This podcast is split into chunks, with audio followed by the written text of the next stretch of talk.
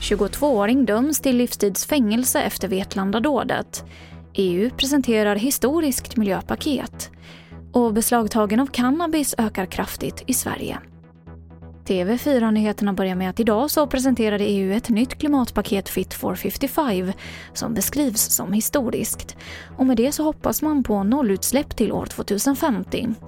Bland annat så föreslås koldioxidtullar vid gränserna, stopp för bilutsläpp från år 2035 och krav på hållbara bränslen i flyget. Ja, det här är en av de viktigaste politiska processer vi kommer vara med om i våra liv. Där vi nu snabbt måste få på plats de instrument som ska mer än halvera våra utsläpp till 2030. Det sa EU-parlamentarikern Jakob Dalunde. En 22-årig man dömdes idag för knivattacken i Vetlanda i mars. 22-åringen högg oprovocerat sju personer på 18 minuter och döms nu till livstidsfängelse och utvisning på obestämd tid.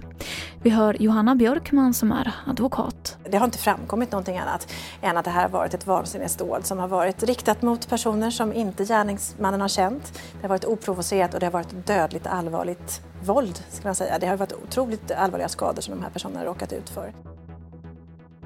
Så att terrormotivet har fallit men kvar har vi ett, ett hänsynslöst brott i form av oprovocerat. Mer än 2,5 ton cannabis är vad Tullverket hittills i år har beslagtagit enligt SVT.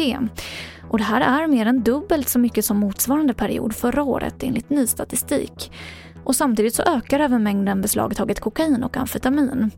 Men enligt generaltulldirektören vid myndigheten så har mängden droger som förs in i Sverige inte ökat. Utan det är Tullverket som har blivit bättre på att beslagta narkotikan. Och vi avslutar med att svenske Ludvig Göransson har återigen nominerats för en Emmy för musiken till tv-serien The Mandalorian. Den svenska kompositören och låtskrivaren som tidigare även vunnit en Oscar och tre Grammys nominerades för samma serie även förra året och då tog han hem Emmy-statyetten. Och det här var det senaste från TV4 Nyheterna. Jag heter Emily Olsson.